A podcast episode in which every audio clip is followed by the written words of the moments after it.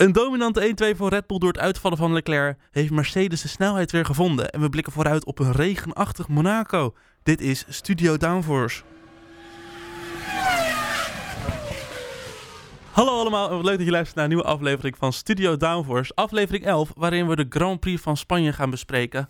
En waarin we gaan vooruitblikken op de Grand Prix van Monaco. Dat doe ik niet alleen, dat doe ik allereerst met Elias. Buenos dias, Bram. Hallo, jij komt uit Spanje of uh, wat? ja, een beetje Spaanse sfeer. Beetje Spaanse sfeer, een beetje Spaanse sfeer. Dus uh, volgende week zeg je bonjour. Uh, ik krijg nu al Spaans benauwd. en ook met Lies. Hallo Lies. Wacht. Mijn knopjes doen het niet hier. Wacht even hoor. Lies? Nee, nee, nee. Als je, nou, als je nou één keer drukt, druk één keer. Oké. Okay, en ook na, nadat, je, nadat je gepraat hebt. Eén keer. Oké, okay, dus hallo Lies. Ja, rustig, rustig, rustig. Kom hier, kom hier. Flashbacks naar het weekend dit. Ja. Oké, okay, ik ga even iets anders proberen. Even kijken hoor. Uh, doet dit het? Nee, uh. Oh, huh? huh? Dit klinkt niet goed. Huh? Huh? Lies? Lies? Uh, Lies? Uh, nou, oké. Okay. Uh, dit, gaan we, dit gaan we zo niet doen. Uh, Lies die zit denk ik thuis. Die heeft andere dingen te doen. die is... nou, dat zal... Zullen we het gewoon samen doen?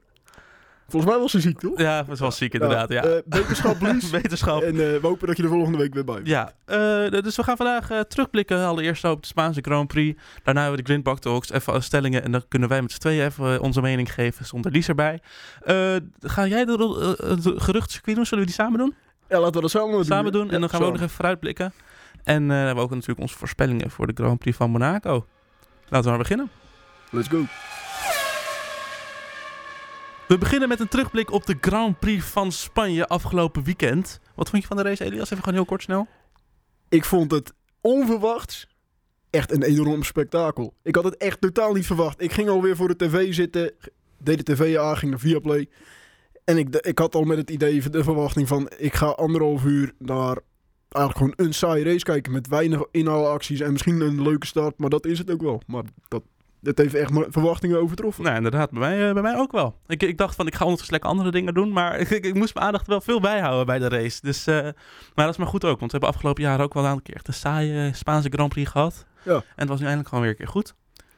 Dan uh, gaan we beginnen met de voorspellingen van afgelopen week. Die heb je kunnen lezen op Studio Downforce, op de Insta-pagina studio.downforce. Uh, nou, we gaan we beginnen, Elias. Bij jouw voorspelling of bij Lies' voorspelling? Uh, laten we maar bij Lies beginnen. Ja, die heeft niet zoveel te zeggen. Hè? Bij de kwalificatie niks goed en bij de race alleen de eerste plek goed. En nu hadden allemaal de eerste plek goed bij de race. Zeker weten, ja. Hoe bedoel je een oranje bril? Maar laten we even Lies zelf. Wat vond je van je eigen voorspellingen? Ja, diepgaande ja, analyse. Ja. ja, vond ik ook. Oké, okay, dan uh, jij Elias. Jij had... Uh, nou, in goed, ja. Ja, had inderdaad P1 goed in de race en in de kwalificatie. Dus dat, uh, nou, goed gedaan wel. Ja, en, nou ja, dat, ik had weer natuurlijk... Ja, Leclerc, nou ja, die viel dan uit. En ik had Perez, had ik die erbij? Ja, ja. klopt. Ja, en dan mijn voorspelling. Ja. ja. Dat is uh, bijna perfect. ik heb bijna perfect weekend gehad, inderdaad. Ik had uh, de kwalificatie helemaal goed. Nadat Lies dat vorige week had. En ik had in de race P1 en P2 goed. Ik heb het fragment er niet bij kunnen halen. Maar volgens mij heb ik vorige week gezegd in de voorspelling. Ik denk dat Ferrari echt een dramatisch weekend gaat krijgen. Geef, krijg, krijg ik daar nog een extra punt voor? Of, uh... Nou, geen extra punt, maar ja, je, zat, je zat er niet, uh, nee, je zat er niet naast. We dachten allemaal van, nou, Ferrari gaat het helemaal goed doen met dit circuit. Mm -hmm. Veel downforce, maar daar gaan we het zo meteen wel over hebben. Ja, precies. En Ferrari, dat zou die de, de auto zou dus die baan goed moeten liggen. Mm -hmm. Dat deed ook wel in de kwalificatie. Ja. Alleen in de race. dat ging niet helemaal goed en dat gaan we zo bespreken. Mm -hmm. hey, uh, jij zei natuurlijk dat je weer heel veel plekken goed had, maar niet, of heel veel coureurs in de top 3 goed had, maar niet op de juiste plek. Ja. Je had in het weekend een voorstel, hè? Dat je, ja. dat je eigenlijk het hele klassement om wilde gooien. Ja, want het is een beetje masterbind, weet je wel. Uh, twee daarnaast, die niet goed, die kleur wel op de goede plek. Dat. Het is gewoon een soort mastermind. En mm -hmm. het is ook wel heel lullig als je er eentje naast zit, dat je dan geen punten scoort. Ja, dus jouw voorstel was om bij een goede voorspelling, zoals ik dan, ik had dan P1 en P2 goed, dat je daar dan per goede plek drie punten voor krijgt. En dan als je een coureur in de top 3 goed hebt, dat je daar één punt voor krijgt, toch? Ja. Nou, dat, dat eh, ga, ga ik Lies opzetten dit weekend. Kijken of eh, zij daar... Maar uiteindelijk, maakt het voor mijn achterstand niet uit, want ik sta nog steeds eh laatste. Ja, wil je een, wil je een tussenstand met de huidige puntenschema dat we hebben? Dat is Nou, namelijk één goede voorspelling en één punt. Ik wil het niet, maar doe het maar. Nou, je bent de enige die nog niet dubbele cijfers heeft. je hebt er 7, terwijl ik er 16 heb. en Lies heeft er 14. dus ik ben heel benieuwd naar je voorspellingen van dit weekend. Maar je weet maar nooit, want we gaan dan volgende week gaan we even kijken naar hoe het in jouw eh, eh, format, hoe het punten de, de man of de Ja, dram of voor dat staan. heel erg verandert. Wie weet zijn we wel eerste. Hopelijk. Ja, maar goed, dat is voor volgende week. Nu eerst wat de afgelopen week is gebeurd. Namelijk de Grand Prix van Spanje. Je zei het al een beetje. Het was een eh, spannende race. En je hebt, jij bent eh, deze keer eh, de eigenaar of de maker van de race in één minuut. Ja, ik ben er weer helemaal klaar voor. Helemaal klaar voor? Ja, ja, ja. Oké, oké. Zal ik aftellen dan? Ja. Dus het hele raceweekend in één minuut. Er komt Nou, het hele raceweekend. Ik heb vooral hele race. nou, de, de race, de belangrijkste puntjes. En het, het komt ook het weekend, komt een Oh. beetje voorbij. Maar ik heb hoge verwachtingen na vorige week. Van mij. Drie, twee, één. Komt-ie. De race van Spanje was een onverwacht spektakel. Bij de start in bocht 3 botsten Hamilton en Magnussen met elkaar. Dat was voor beide een debakel. Er was dit weekend ook veel kabaal, niet alleen door de motoren, want Aston Martin reed met de groene Red Bull. Maar eh, is dat eigenlijk wel legaal? Red Bull ontsnapte en was net op tijd klaar voor de race. Leclerc leek echter niet te pakken met zijn pace. De race van Ferrari stortte echter als een kaarthuis in elkaar. Eerst spinde Sainz door de wind en even later was ook Verstappen de sigaar. Tot afgrijzen van de tifosi kwam Ferrari van Leclerc kwam tot een halt. Red Bull leek te profiteren, maar het gevecht met Russell zorgde voor twee spalt. Verstappen had problemen met de DRS en bleef maar rammen op de knop. Perez sloot toen aan achter Verstappen, met Russell nog steeds aan kop. Checo vroeg om teamorders, maar mocht er van Red Bull niet voorbij. Zijn team veranderde van strategie met Verstappen en daardoor was de weg voor de Nederlander vrij. Maar niet voordat Perez de rode loper uit had gelegd. Hij was weer de hardwerkende knecht en door de teamorders werd het resultaat van de race beslecht. Nou, ik vind het toch knap hoe je dat ook weet te rijmen. Ik, ik, heb natuurlijk ook die race in één minuut gedaan. Ik, ik heb echt al moeite om een race in één minuut te maken.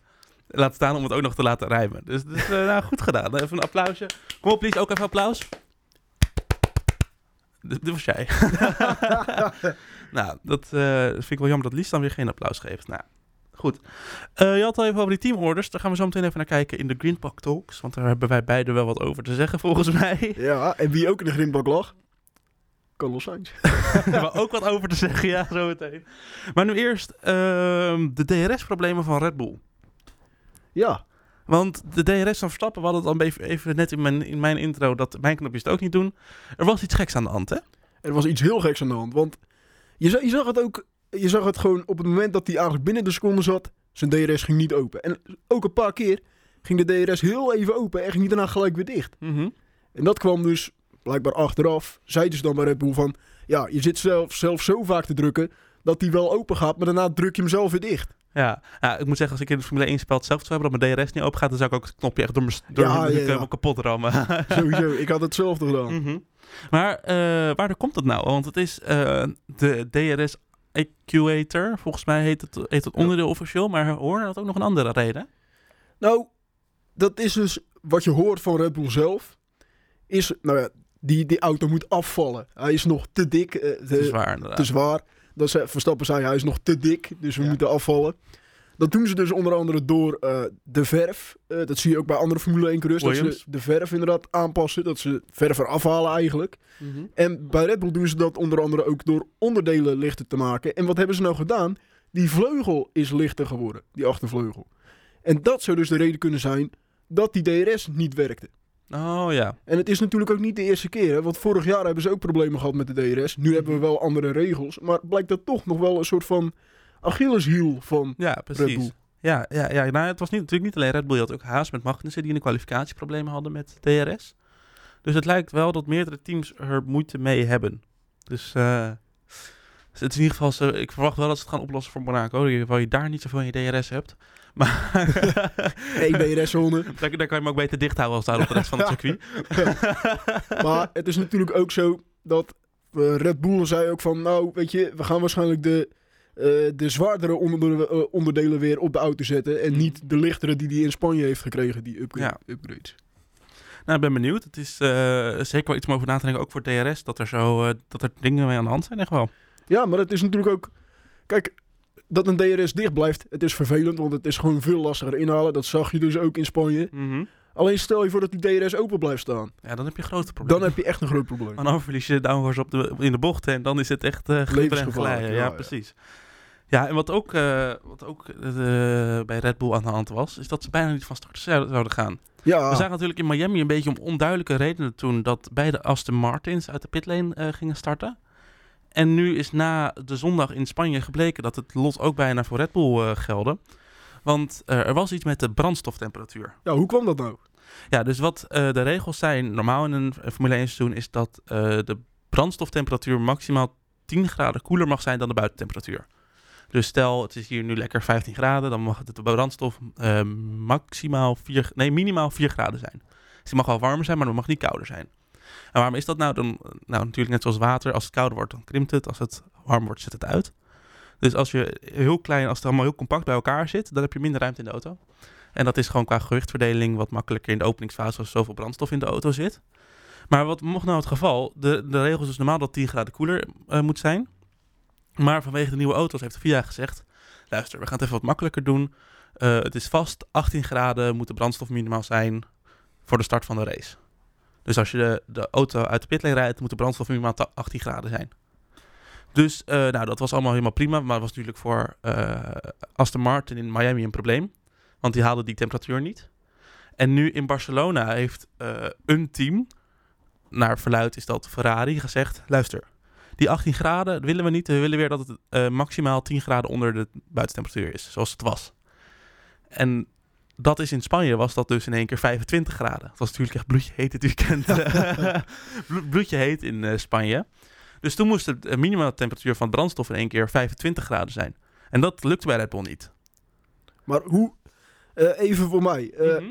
hoe lang heb je dan nodig om die brandstof, eh, brandstof hoger te, de, de temperatuur hoger te maken? Te Ja, ja, het is net zoals in een, in een normale personenauto. Als je daar wegrijdt, dan is de brandstof ook nog niet warm. Dus je kan ook niet gelijk vol gas alle door eh, gaan. En dan, dan is dat is ook gewoon niet goed voor je motor. Dus eh, het kost even wat tijd om die brandstof op te warmen. En ik denk dat bij Red Bull het gewoon veel langer duurde dan verwacht. Want uiteindelijk zijn ze acht seconden voor het sluiten van de pitlane... zijn ze pas de baan opgegaan. Close call. ja, dat is een hele, hele close call. Want dat, anders had je gewoon dat ze uit de pitlane moesten gaan starten. En dan had je wel een groot probleem. Want dan heb je in één keer P2, P4 is... Of nee, P2, P5 was het volgens mij. wat we moesten starten, is dan in één keer pitlane en pitlane. En dan ben je eigenlijk al 10-0 achter bij de start van de race. Ja, precies. Dus, eh, maar dat is wel, eh, ik vond het heel interessant. Ik dacht van, oh wow, dat, dat, dat, eh, hoe dat dan zo in elkaar zit. Ja, nee, helemaal. Red Bull is natuurlijk wel een van de grote teams natuurlijk. Dus Mhm. dat dat zo'n team overkomt. Ja, precies. Ja, en eh, dat dan ook, dat, dat, als dat echt zo is, dat Ferrari dan zo'n veto heeft op uitgeroepen. Misschien ook wel met de warme temperatuur in aantocht. Denk toch ook een slim spelletje dan. Ja, het, het, het is nog een steekspel, hè? Ja, Zo'n precies. Dat- ja, daarom, daarom. Ja. Ja, eh, dus dat vond ik wel interessant. En eh, Red Bull is trouwens dus niet de enige met die, mo- met die problemen om de brandstof, of de, die de brandstof zo laag mogelijk willen houden. Want daardoor hou je de motor koeler. En je Mercedes, Red Bull en Mercedes hebben dus die probleem met een overfitte motor. En ze willen dus met die brandstof zo laag mogelijk houden qua temperatuur, dat die motor wat langer koeler blijft. Ja, Dus zo zit het in elkaar, want ehm, ja, Mercedes, dat, eh, we hebben natuurlijk heel veel moois gezien van Mercedes in zeker. Barcelona. Dit, dit, dit weekend was echt een eh, soort van... eh tot, tot, twee, Ja, was sowieso een comeback. uh-huh, tot twee rondes van het einde, moet ik wel zeggen. Want eh, Toen eh, werd Toen- het weer een en al paniek en stortte het bijna als een kaarthuis in. Ja, precies, want het was overfit allemaal de boel. Ja.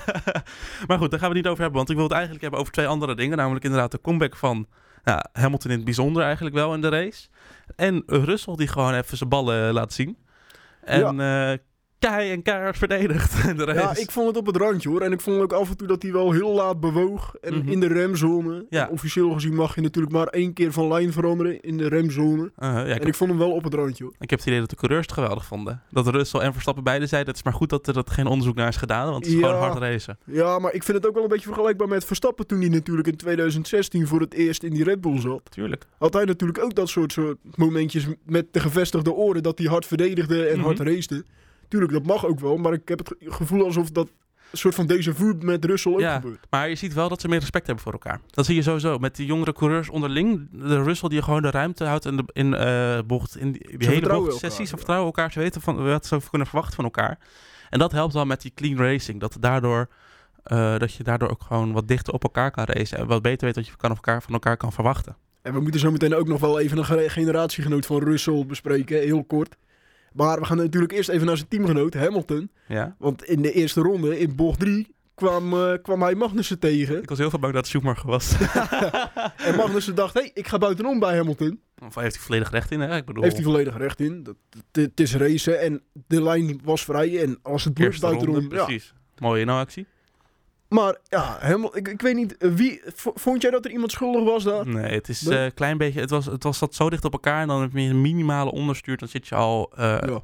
een paar centimeter naar rechts of naar links. En daar is je dan een auto. daar ja, is de grindbak al. Ja. pech. Ja, weet je, beide, zijn, beide hebben, hadden ze eh, geen profijt van. Want lekke banden en Ja. huilen huilen als het ware. En Hamilton lag 50 seconden achter Verstappen Ja, of zo.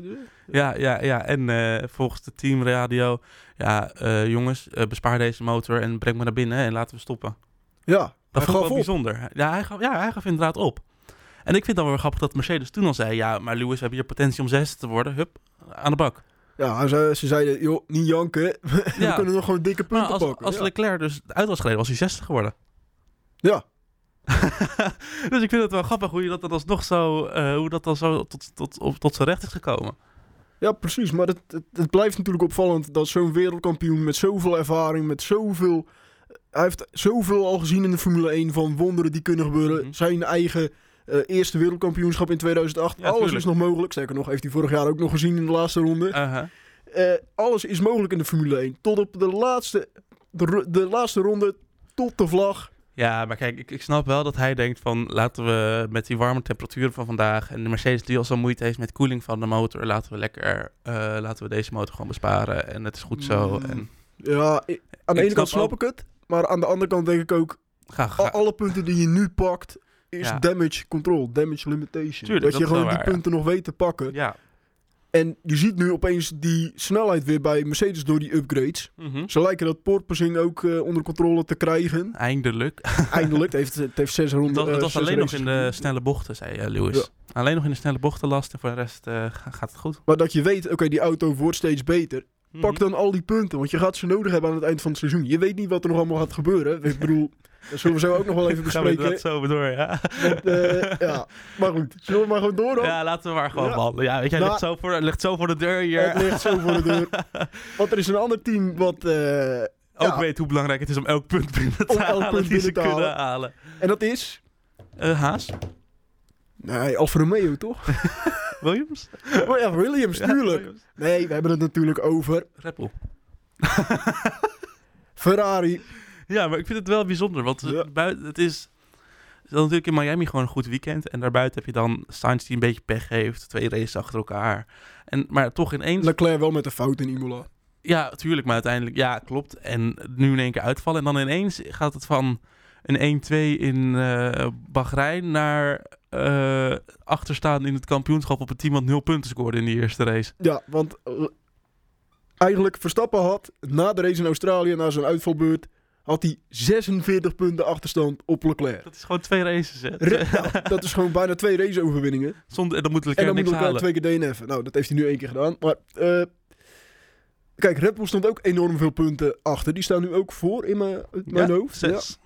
En Verstappen staat ook zes punten voor op Oh nee. Red Bull staat trouwens veel meer voor. Het is inderdaad zes punten. Maar volgens mij staat Red Bull in het kampioenschap. Ik kom je op terug, ga door. Verstappen staat dus zes punten voor nu. In drie races tijd heeft hij een achterstand van 46 punten goed gemaakt. Tuurlijk, hij werd ook geholpen door de uitvalbeurt van Leclerc, want die lag vier aan de leiding. Die ging eh, met twee vingers in de neus, ging die, leek hij op de finishvlag af te gaan. En ik dacht ook van, nou, dit, dit is gedaan. Verstappen, die had natuurlijk ook, eh dat moeten we eigenlijk ook helemaal niet over gehad. Verstappen. Maar goed, eh, Ferrari eerst. Leclerc leek vier aan kop te gaan. Zijn grote concurrent Verstappen was niet in de buurt. Mhm. Ja, leek een zorgeloze race te- tegemoet te gaan. En dan, hij valt uit. Ja, het was Hij beetje ging steeds langzamer en hij Mhm. putterde tot een halt. Ja, en ook echt het onderdelen die niet meer gebruikt kunnen worden dit seizoen aan de motor. Dus dat is wel grote echt een groot probleem voor eh, Ferrari. Want wat, eh, Verstappen natuurlijk vorig jaar ook dat hij motor niet meer kon gebruiken. Maar dat was toen hij met 51G in de muur vloog in Silverstone. Dus dat je dan nu met zo'n, eh, dat je dan nu eh, op deze manier twee onderdelen van je motor, de turbo en de MGU-H volgens mij. Ja, en hij heeft al een motorwissel gehad, hè. Precies, dus het is eh, spannend. eh, 25 verloren punten voor ja, en 26 punten die is achter in het constructeurkampioenschap. Ik heb het even gecheckt. maar ja, je zei inderdaad, Verstappen hebben we niet benoemd. Daar gaan we zo over hebben. Nu, eigenlijk nu, in de Grindbak Talks. De Grindbak Talks, waarin we allemaal stellingen hebben waar we in het weekend gaan bespreken. Met dit keer ook input van eh, Instagram. We hebben een DM gekregen. Oh, Ja, en eh, dus eh, daar gaan we het zo ook nog even over hebben. We gaan nu eerst een stelling hebben over Verstappen. Je had het net al even over in de terugblik op de race. Want we gaan het wel even over Verstappen hebben natuurlijk. We, we blijven Nederlanders. De stelling is, Red Bull had lef moeten tonen door geen teamorders te gebruiken. Oeh, dat is echt een lastige vraag, hoor. Dat is een lastige stelling. Ik ben eens. Ben je het eens? Jij, jij zegt Red Bull had lef moeten tonen door die teamorders niet eens te gebruiken. Gewoon te racen. Ik ben het eh, oneens. Kijk, want ze durven gewoon niet Verstappen, tegen Verstappen te zeggen... je moet achter Perez blijven of je moet Perez voorbij laten gaan. Ik vind wel als we toen Verstappen moeite had om, Perez, om Russell voorbij te komen... Ja, en dan, zonder die DRS, toen hadden ze moeten zeggen... joh, laat Perez het eerst proberen. En wie weet maakt hij zo'n eh inhaalactie dat jij er gelijk achteraan kan. Ja, nee, dat vind ik ook. En ik vind het dan eigenlijk een hele laffe, eh, eh, slimme, maar laffe manier om dan te zeggen, om dan, dan naar binnen te halen voor een extra setje banden. Ik vind het slim. Het was heel slim, maar ik vond ook dat ik dacht van, weet je, je durft gewoon niet tegen Verstappen te zeggen, laat Perez nu voorbij, Max. Laat het hem proberen. Dat geeft me ook weer gewoon aan. Ik denk niet eens dat, ze, dat, ze, dat eh, Verstappen het zou accepteren om teamorders te gebruiken. Je hebt natuurlijk lang, lang geleden, in 2015, toen hij nog gelijke status had bij Toro Rosso met Carlos Sainz toen nog, dat hij zei, no, I'm not gonna let my teammate blijven. No, no. Toen Die had ook een goed weekend, hè? ja. ja, klopt. Maar ik, ik denk gewoon niet dat Verstappen teamorders zou Accepteren. accepteren. Maar als Red Bull zijn, dan zou ik het wel gewoon in ieder geval zeggen tegen hem. Laat Perez voorbij. Als je dan nee zegt, prima. En stuur hem dan maar gewoon naar binnen toe. Maar dan laat je in ieder geval zien dat je niet... Dat je Perez ook nog waardeert als coureur. En dat je hem niet gewoon als tweede coureur wegzet. Ik vond het wel slim denkwerk, denkwerk van Red Bull dat ze dachten van... weet je, we zetten hem op brood en dan proberen we Russell voorbij te komen zo. Mhm. En dat heeft gewerkt uiteindelijk. Zeker, maar eh, eh, klopt. Maar wat jij zegt inderdaad, het is zeker qua moreel natuurlijk voor, eh, voor het team en voor Perez zelf... Ja, Perez die is is het gewoon een middelvinger van ja, je gaat in principe als Verstappen voor, vooraan rijdt, vooraan meedoet, ga Ja. je geen race winnen, want we moeten zoveel mogelijk punten scoren. Uh-huh. En dat is waarom ik het oneens ben met de stelling. Want Red Bull stond zoveel punten achter. 46 punten achter, hè? Met Verstappen dan. Verstappen Ja. stond 46 punten achter. Zoveel punten. Mhm. En dan ga je elk punt nog nodig hebben dit seizoen. En dan snap ik dat ze, omdat het zo dicht bij elkaar zit... en ze zoveel punten achter stonden... dat je zegt van, oké, Verstappen moet er voorbij, mo- moet voor jou finishen... want we hebben die punten gewoon hard nodig. Ja. Ja, ja, en ik denk... En ik denk trouwens ook dat als Leclerc als eerste, als, als hij nog door was gereden... als hij gewoon eerste was gefinished... was er minder gezeik geweest om die teamoren. Want dat, dat was dan is het de tweede plek. Dan was het ook zo'n saaie race geworden. Want het was, eh, Leclerc lag echt al... moment van uitval lag er volgens mij 15 seconden voor of zo. Dat was echt... Dat gat was zo groot naar achter toe. Natuurlijk omdat Russell... Ja, die heeft gewoon die snelheid van Leclerc. En daarachter was Verstappen gespind en Sainz gespind. Er gebeurde van alles. ja, dat en- kwam ook door de wind natuurlijk. Dat, het was daar eh, Ja. windvlaag, wind mee hadden ze opeens. Een onverwachts moment volgens Ja, mij. klopt. Twee keer. Sainz Mhm. en Verstappen allebei. Mhm. Ja, dus vandaar dat Verstappen ook, want hij lag tweede. Zat twee seconden achter Leclerc, dacht ik. Zoiets, ja, zat heel en kort toen achter. maakte hij de fout, tenminste foutje. Is, is het een fout als je door de wind opeens... Ja, nee. Nee? Het overkomt ze. Ja, nou, toen zat hij dus achter Russell vast. En daardoor uiteindelijk dat is die hele situatie ontstaan met Ja. die teamorders met Perez. Eh, de volgende stelling. Tsunoda gaat dit jaar boven Gasly eindigen in het kampioenschap. Oneens. Eens. Oké. Het is namelijk zo eh, dat hij nu ook gewoon dubbel zoveel punten heeft als eh, Gasly. Ja, maar de, de, de, de- het seizoen is nog lang, hè? Ja, maar hij is wel ja, maar we zijn wel op een kwart nu van het seizoen. Dat is waar. Al helemaal met, de, met Rusland, wat eh, nu helemaal weggevallen Oh, is. ja, ja. Dus zit nu op een kwart. En ehm, ik baseer dit natuurlijk op de puntenstand. Want eigenlijk is overal een duidelijke 1-2-verdeling qua coureurs. Eh Perez die eh, heeft eh, naar verhouding het meeste aantal punten van... Die doet het beste tegen zijn teamgenoot.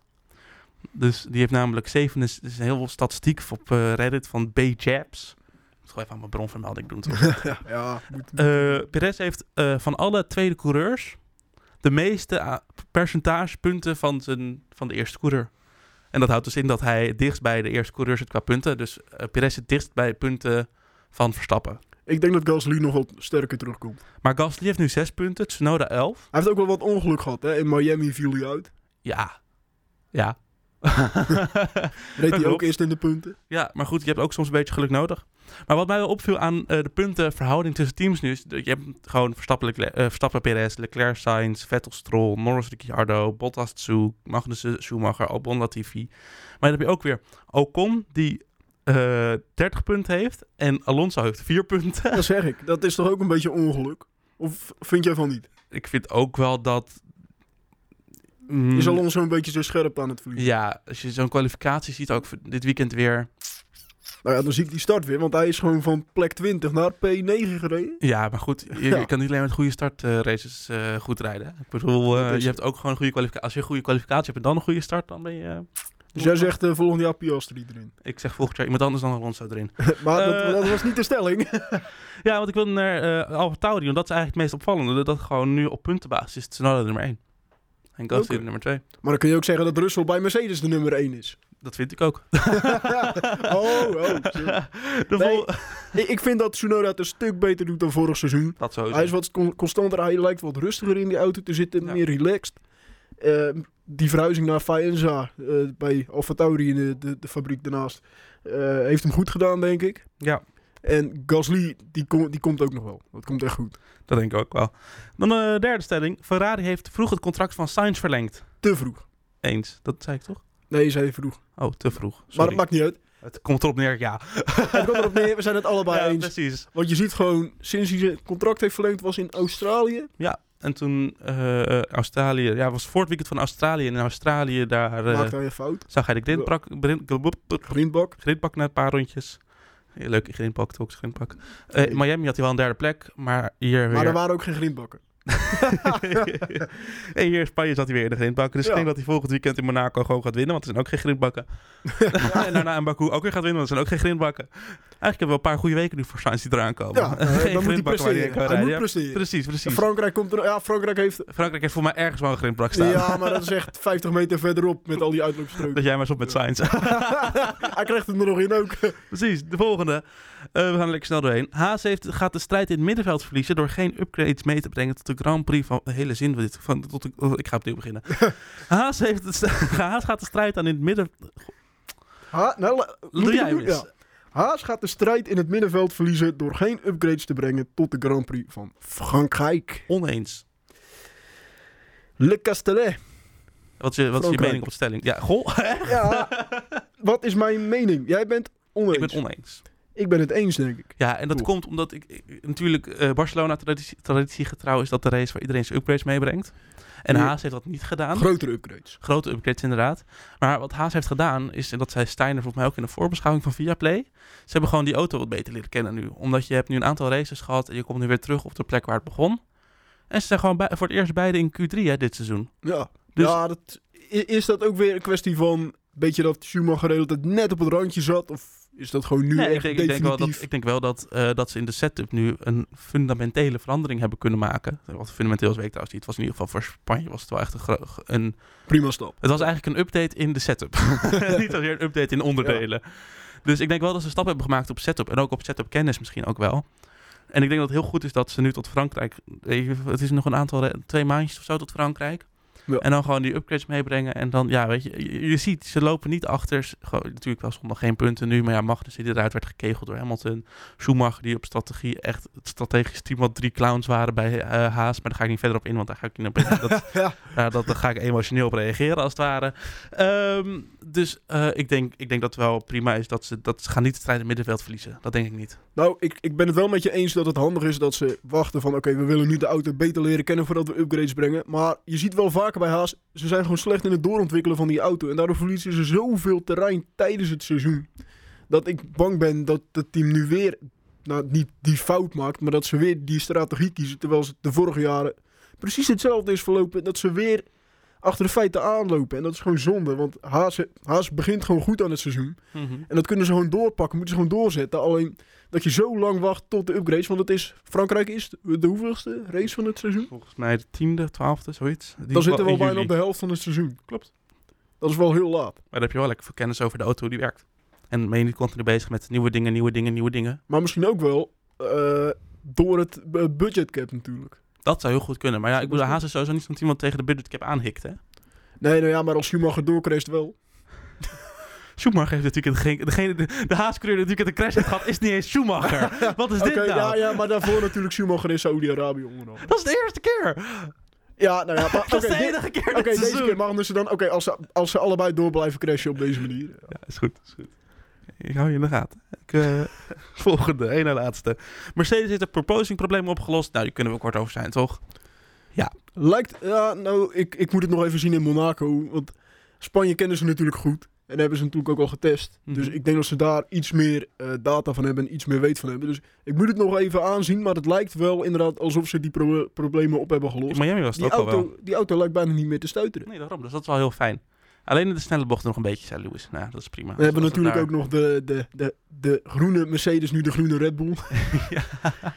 ja, dat is inderdaad een verhaal apart van Aston Martin. Maar ja, schiet ze nog steeds niks meer- niks meer op, want ze waren nog steeds eh, achteraan. En eh, buiten in de punten kwalificatie, uiteindelijk gaan. Buiten de punten, dus. Daar, kan je, daar kan je wel heel, veel, heel veel woorden over vuil maken, maar dat heeft, het heeft gewoon... Als, je kan er alleen iets over zeggen als echt de punten waren gereden in één keer met beide auto's. Ja, als ze ook significant sneller waren Ja, precies, dat is nu gewoon viel niet. het ook nog... Ja, misschien is het ook weer een kwestie, net als Mercedes, van die auto leren begrijpen. Net als Haas ook Dat weer. zou heel goed kunnen, ja. Maar ja, Haas is natuurlijk ook eigenlijk... eh, wordt ook beticht van een Ferrari eh, B-kopie. Ja. Mhm. Ja. de laatste stelling. Pirelli moet banden maken waardoor elke race een strategisch spel wordt, zoals in Barcelona. Oeh. Volgens mij moeten we gewoon naar landen gaan waar we de temperaturen hebben van Barcelona. Oh, daarom gaan ze elke keer naar het Midden-Oosten. Ja, ik snap het nu. daarom, ik snap ja. het nu. Ik snap Maar waarom gaan ze dan in, in de nacht racen? ja, overdag? Ga elke gewoon lekker in Qatar rijden met 50 el- graden. el- elke joh. drie Ja. ronden een pitstop. Shit, mijn banden zijn nu alweer aan. Eh. Lewis, rustig. Je rijdt pas drie ronden op die banden. Nee, ik denk wel, want het is gewoon, weet je, het moet niet worden zoals in Baku dat, dat die banden wel slijten, maar dan ook klappen. Maar zoals die banden zoals ze zo slijten dan in, ehm, in Barcelona, dat je dan echt niet weet hoeveel stops het gaat zijn, of het drie stops, dat je ziet dat coureurs twee stops doen, sommige drie stops, Albon deed er vier volgens mij. Dus dat vind ik wel heel leuk. En dat terwijl hier in Australië maar één stop deed. ja, even compensatie voor het gemiddelde. Krijgen die, krijgen die pitstop eh, monteurs ook nog wat te doen. Precies, precies, precies. Maar ik zou het wel mooi vinden als er wat meer circuits zijn waar het is. Want voor mijn gevoel is het alleen in Barcelona dat het altijd zo'n strategisch spel is. Oh, Silverstone ook vaak wel. Hè? Ja. Maar dat, ik dat, moet wel even zeggen dat eh, je hebt natuurlijk ook gewoon een paar races gehad met volgens mij was dat Pirelli en de Bridgestones daarvoor ook in Ja. Silverstone onder andere dat die banden gewoon echt te hard ja, aan het slijten waren en dat het gewoon levensgevaarlijk werd met allemaal klapbanden en zo. Mm, ja. Dat was ook de reden waarom Pirelli die opdracht kreeg eh, toen zij in de Formule 1 kwamen van, eh, van eh, de FIA. Van joh, Bridgestone heeft het wat minder gedaan. Wij willen juist dit soort banden hebben die veel slijten. Dat we veel pitstops hebben en veel verschillende st- strategieën. Ja. Maar uiteindelijk was dat, is dat niet heel goed gelopen. Dus ik, ik denk dat die banden gewoon moeten blijven zoals het nu is. En dan misschien nog later. Want het, is ook, het zijn ook nieuwe banden hè, dit seizoen. ja, klopt. Maar ik hoop dus wel dat het wat, eh, wat, wat we meer pitstop gaan zien. En daardoor met meer variatie in strategie. Ja, dat, mooi sowieso. Dat sowieso. Dan eh, gaan wij... eh Lies, ben je klaar voor de roddelrubriek? Ja, jouw rubriekje. Ja, blijf stil. Nou, laten we er maar gewoon heen gaan. Dan zien, Ja. we, zien we wel wie het gaat behandelen. het geruchtencircuit. Zullen eens kijken of we dit zo snel mogelijk kunnen doen, Elias? Ja, eh timer erbij of... eh? Is goed. Eh, hebben we de klok? Zullen we het in één minuut proberen? Ja, dat kan wel. Oké. Kan Zullen we het ons de beurt doen? Ja. Oké, begin jij? Ja hoor. 3, 2, 1. Christian Horner die zegt de Formule 1 teams die gaan races missen als het budgetcap niet omhoog gaat. Zeven van de eh, tien teams die zouden dan de laatste vier races eh, missen van dit jaar. Eh Alfa Romeo, Alpine, Haas en Williams zijn tegen die verhoging. Oh, dat is eh, interessant. Nou, dat zou wel leuk zijn. Dan wint misschien nog Williams het kampioenschap. De volgende is dat eh, de Grand Prix van België na dit jaar van de kalender kan verdwijnen. De promotor is namelijk wel in gesprek met de leiding van de Formule 1. Maar het is afhankelijk van de situatie in andere landen. Want onder andere China, Qatar, Las Vegas komen natuurlijk volgend jaar bij. En ze willen ook nog in Zuid-Afrika racen. Dus dan wordt het gewoon spannend met een overvolle kalender. Dus ik denk niet dat we naar Spa gaan volgend jaar. Oké, de laatste. Ja, want eh, Sebastian Vettel die is beroofd en die ging erachteraan door zijn AirPods. Maar heeft uiteindelijk niet zijn tas teruggevonden. Nou, arme Sebastian. Ja. Willen we nog wat extra behandelen? Willen we nog het hebben over de circuits? Het in ieder geval, het komt erop neer dat ook de Franse Grand Grand Prix in gevaar is. Oh, wat vinden we dat jammer. Nee, wat vervelend. Zullen we ook nog de zoomer doen voor het gevoel van de ja, race in één minuut? precies. Oké, dit ging lekker snel. Ja. Nou, top. Nou, ik weet niet Lies, of Lies... is- eh, ik weet Lies, niet... dit doen we voortaan zo. Ja, precies. Eh, ja, ik ben benieuwd wat Lies gaat vinden. Een, roddelrubriek in één minuut op het circuit. Wat, doen we nou ook alweer? het geruchtencircuit. Het ging wel goed. nou, dan gaan we nu de voorspelling, eh, voorspelling doen voor de volgende Grand Prix. Lekker vooruitblikken. Zullen we het niet in één minuut doen? Hebben ze eigenlijk heel veel... laten we dat even rustig toelichten voordat we heel de fans Precies, over ons ja. heen krijgen. Nou, dan gaan we door naar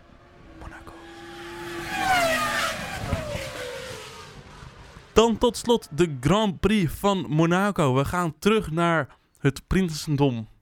Ik was er twee, drie, drie weken geleden. Ik was er drie weken geleden nog. Ja, dan vind ik het toch wel jammer dat je niet drie weken later bent gegaan naar de Formule 1. Ja, helaas, helaas, helaas. Ik, heb, ik wil gewoon nog geld overhouden. Ja, arme student. Leven. Precies, precies.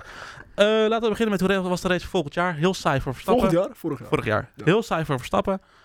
Eh, heel stom voor Mercedes, want Bottas bleef met een wiel vastzitten voor een ja, paar de dagen. langste pitstop ooit. Dat was vorig jaar inderdaad. En eh, Norris en Sainz op het podium erbij. Ja, en eh het was natuurlijk Hamilton die echt een, eh, nou ja, slecht weekend had. Laat ik, laat ik het netjes zeggen. Hij had weer zijn... eh, Een vervelend weekend. nou ja, hij, hij had zijn... eh, ja, eigenlijk gewoon zijn... Is het maandelijks? Eh, ja, dat kun je niet vergelijken trouwens. La- laat ik daar maar niet aan beginnen. Eh, ze, in ieder geval, hij heeft vaker van die dipjes, Ja, di- precies. dipweekenden. Dus En eh, de Grand Prix van Monaco vorig jaar was de eerste race waardoor Max, waar Max Verstappen aan de leiding lag van het kampioenschap. ja, en ook zijn eerste natuurlijk in Monaco. precies. Zijn eerste overwinning. Eh, Dus dat was wel een mooi moment. Ja, zeker. Eh, jouw track review, is die klaar? Jazeker, ik pak hem er even bij. Ik heb mijn timer klaarstaan. Nee, Ja. grapje. oh nee, daar gaan we weer. Oké, nou, ready when you are. De Grand Prix van Monaco heeft een rijke historie en deze race wordt ook wel het kroonjuweel van de Formule 1 genoemd vanwege de locatie. Maar ook alle rijke lui en alle beroemdheden die de race bezoeken. Dus dat zien we niet alleen maar in Miami, maar ook in Monaco. De eerste Grand Prix van Monaco was in 1929 en werd al verreden voordat het Formule 1 wereldkampioenschap ontstond. De eerste Formule 1 Grand Prix van Monaco werd in 1950 georganiseerd. Vorig jaar werd de race weer verreden nadat de Grand Prix van Monaco vanwege corona niet doorging in 2020. Dat was de eerste keer sinds 1955 dat de Grand Prix niet werd verreden. De recordwinnaar van de race is natuurlijk Ayrton Senna, die tussen 1987 en 1993 zes keer wist te, zes keer wist te winnen. Dat hadden eigenlijk zeven overwinningen moeten zijn, maar in 1988 maakte hij een fout eh, terwijl hij aan de leiding lag. Daardoor crashte Senna en moest hij opgeven. Dit jaar rijden er vijf coureurs mee die al eerder wisten te winnen in Monaco. Namelijk Fernando Alonso twee keer, Lewis Hamilton drie keer, Sebastian Vettel ook twee keer en Daniel Ricciardo en Max Verstappen allebei één keer. Er zijn veel bijzondere momenten geweest tijdens de races in Monaco. Maar de meest opmerkelijke vind ik toch wel de editie van 1996. Toen won de Fransman Olivier Panis de race en haalde maar drie auto's slechts de finish. Een record dat nog steeds staat in de Formule 1 boeken. Dan nog even over het circuit zelf. De race telt 78 ronden, dus ga er maar goed voor zitten. De baan is 3,3 kilometer lang. Daarmee is het de kortste baan op de Formule 1 kalender. Er is één DRS-zone bij start-finish, maar daar zal denk ik niet heel, heel veel worden ingehaald. De meest beroemde gedeelten van het circuit zijn bocht 1 Saint-Devot. Eh, dan heb je natuurlijk Beau Rivage, waar de coureurs eh, de heuvel oprijden. Dus dat is een mooi shot altijd. De Vermont Hairpin, een bocht waar de coureurs hard af moeten remmen tot ongeveer 48 km per uur. En dan is er natuurlijk nog de tunnel waar de Formule 1, eh, Formule 1 auto's doorheen rijden. Altijd een prachtig geluid en prachtig om die eh, switch te zien van eh, donker naar licht weer. Dan is er nog de tunnel, ja de tunnel hebben we nu besproken. Ja. Ja? En de Nouvelle Chicane die daarna ligt. Dat Mhm. is altijd een, een lastig, lastig moment ook voor de Formule 1 coureurs. Want het is een aparte chicane. Het is ook veel afremmen. Net als de Vermont Hairpin. Ja. Voordat de coureurs uiteindelijk nog door de haven, nou door de haven, langs de haven van Monaco rijden door in de een haven, ja, sectie. Ja. Dat blijft ook, het, bl- het blijft een mooi circuit. ja, dat vind ik ook. Was dat hem? Dat was hem. Ja, mooi. Inderdaad, het, is, het zit vol. Je kan eigenlijk, als je het hebt over mooie bochten in Monaco, kan je eigenlijk wel het hele circuit benoemen. ik, dacht, ik dacht, ik pluk er een paar uit, want anders ben ik helemaal bezig Ja. met bocht 1, bocht 2, Uh-huh. bocht 3. Dat zullen we bocht 4 ook maar even doen. Ja. ik weet nog wel, eh, de, de race de, was in de Formule 1 was ik er natuurlijk bij, Formula I. En eh, toen liepen we door, want we wilden naar eh, het casino-pleintje daar. We wilden even lekker een, een, een colaatje doen voor 20 euro of zo. Oh, niet naar het casino. eh. Nee, dat niet, dat, dat niet, dat niet, dat niet. Maar eh, toen liepen we langs uh, Sint-Fot, en dat is natuurlijk het kerkje daar. En toen zei ik tegen papa, ja kijk, hier is het kerkje waar de bocht naast genoemd. En mijn vader dacht van, huh? Wat? Wat? Oké. Dus, Interessant. eh, ja, dat is, eh, het is inderdaad, de Sint-Fot is eh, naar het kerkje vernoemd. Dat daar aan eigenlijk, als je daar heel hard, als je daar niet remt, dan, dan zit je in de kerk eigenlijk. daar. Verstappen toen ook in 2015 ja, op, precies, ja. precies. En verder heb je natuurlijk ook de raskas, vernoemd naar het restaurant wat daar op de hoek zit. Allemaal leuk. Het is echt het is leuk om een keer in, in te duiken op al die namen van, van de bochten daar. Ja, en, en elk- momenten die daar gebeurd zijn bijvoorbeeld. Precies, ja, ja, ja. Eh, dan, eh, ja, eigenlijk de verwachting voor het weekend. Er wordt regen verwacht. Oeh, maar eh, wanneer eigenlijk niet trouwens in de Formule Nee, maar 1? het wordt echt gewoon letterlijk elke keer als ik dan naar de, naar de weersvoorspellingen zit te kijken in een land waar de Formule 1 naartoe gaat, dat weekend, dan staat er altijd, bijna altijd, er wordt regen verwacht. Dat is gewoon serieus sensatie zoeken. Dat is echt serieus verwachtingen en hoop opbrengen. En daar moet ik wel even over renten, want dat kan echt gewoon niet. Je denkt elke keer, yes, we gaan regen krijgen, spektakel. En dan... Nee, dan is het gewoon. Dan, maar dan, dan is het zaterdag en zondag. En dan schijnt de zon en is het 30 graden. Wat is dit? De kans op regen is 80% op Ja. zondag. 80, 80, 8 en een 0. Ja, dan geloof, nou, ik, geloof, ik geloof het pas als ik het met mijn eigen ogen zie. Want dit kan echt niet. En op zaterdagmiddag is de kans 50%. Ik hoop het. Wordt wel spectaculair. Één keer, ik hoop het. ja, het zou wel mooi zijn, want dat betekent alleen de kwalificatie en de race. En dat betekent dat de coureurs de auto afstellen op een droge race. Dat je dan Oeh. volgens een natte baan hebt. Dat kan wel heel erg leuk worden. Dat wordt uh, glibberen en glijden. En verder ook geen actie op donderdag. Want normaal is het, eh, origineel is het eh, Grand Prix weekend anders Ja. natuurlijk. Is het op donderdag de vrije trainingen, vrijdag een pro- promotiedag Ja, eigenlijk wel bijna. ja. En dan zaterdag, zondag weer de rest van het weekend. Maar het is nu alleen maar vrijdag, zaterdag, zondag. Dus eh, dat, dat is ook wel iets om rekening mee te houden. Dat je niet donderdag opstaat en denkt, oh Formule 1. Dan, nee, toch niet. Nog een dagje wachten. Ja, nog één dagje. Ja, Precies. Dan eh, sluiten wij af met de top 3 voorspellingen. ja ik, ik geef in ieder geval één voorspelling alvast. Eh Latifi gaat in de muur eindigen. Vind ik een In ieder geval in het weekend. Dus Dat- niet tijdens de hoeft niet per se tijdens de race, maar wel in het weekend. ik vind het een gedurfde voorspelling. Dat je die, dat je die voorspelling Ja, aandurft. Zo, dat, dat komt wel goed. Ik denk dat Leclerc erg stil gaat vallen dit weekend. De Leclerc eh, in Monaco die Precies. blijft voort, eh, voortduren. ja, of hij heeft natuurlijk al tijdens de historische Grand Prix eh gecrashed. Daar hebben we het vorige week ook over gehad in de podcast. Dat misschien nu al die eh curse eraf is. Omdat hij dit jaar al een keer gecrashed is. Zou ook kunnen. Ik zou het mooi vinden voor hem als hij eindelijk eens een keer eh, kan presteren tijdens zijn thuisrace. Ja, dat zou mooi Maar, eh, zijn inderdaad. Succes met de druk. eh, succes, succes met de druk, Dan de voorspellingen. Zullen we beginnen met die van Lies? Ja, Lies. Ja, ik heb drie keer moeten kijken naar haar voorspellingen. Oh. Want zij heeft voor de kwalificatie heeft zij Max Leclerc Perez. Dus Verstappen Leclerc Perez. Nou, Verstappen op pol. Maar voor de race heeft zij Norris, Ricciardo en Albon. Huh? Ja, geen idee. Maar misschien dat ze verwacht dat het allemaal op elkaar klapt in de eerste bocht of zo. Ja, eh, eh, dat, misschien, misschien dat we dan weer drie, drie coureurs maar aan de finish krijgen. Precies, dat, Ja. dat zou wel leuk zijn. Nee, Dat je gewoon een opstopping hebt en een file in, eh, op het circuit. zonder grap, het was de, de racevoorspelling van Lies is Verstappen Perez Russell. Sorry, Lies. ja, sorry. Eigenlijk verwacht Lies gewoon dat Leclerc er tussenuit valt. Zie ik nu in de voorspelling. Ah, dan heeft ze die vloek alvast uh, ja, meegerekend. precies. Ja, Eh, wil jij jouw voorspelling nu doen, Elias? Oeh, eh, ik denk Verstappen op pol. Ja? Ik denk Leclerc op P2 en dan denk ik... eh, er zijn geen grindbakken, dus Sainz op P3. Eh, is dat voor de race? Dat is voor de kwalificatie. En de race? De race, eh, nou ja, ik verwacht dus dat de Leclerc-vloek nog wel door, door gaat duren. Ik hoop het niet voor hem, maar denk het wel. Verstappen op P1, Perez op P2 en dan zullen we eens een keer gek doen, Hamilton op P3. Zo, doe, doe maar gek, doe maar gek. Mijn voorspelling is voor de kwalificatie Leclerc op 1, Sainz op 2, Verstappen op 3. En de race is Verstappen op 1, Russell op 2, Perez op 3. ik verwacht weer, ik ga het weer zeggen, Ferrari krijgt een, Slecht weekend. Mhm, Minder race. prettig weekend. een minder prettig weekend. Dat is goed gezegd.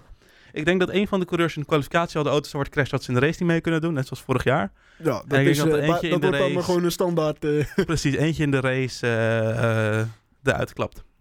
Nul punten ja. scoren voor Ferrari, denk ik. Oeh, dat zou wel echt weer een klap zijn. eh, zou dat dan een fa- fatale klap zijn voor hun eh Nee, dat denk ik nog niet. Maar zo? ik bedoel, Red Bull heeft natuurlijk ook een 0 punten ja, scoren gehaald. heeft, Dus ja, en Red Bull heeft ook 46 punten met Verstappen goed gemaakt. Dus, daarom, en ook alles kan. van drie, eh, na de derde race, nu met zes races, dus na drie races hebben ze die achterstand al goed gemaakt. Maar Dus goed, Dat laten we zien, alles kan. Je zou zomaar weer zien dat Ferrari nu een 1-2 haalt. Een heel perfect weekend, dominant, al- niet normaal. Ja, en dan Dus- staan we weer lul met deze voorspellingen. En dan moeten we weer rectificeren. ja, dat Dus zou me niks tot verbazen. volgende week bij de rectificatie. ja.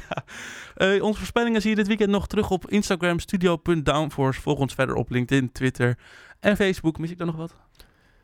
Nee, Nou, alles. mooi. Ja. Allemaal Studio Downforce of Studio.downforce. Heel moeilijk is het niet. Kind kan de was doen. Wij zijn de volgende week weer met het terugblik op de Grand Prix van Monaco.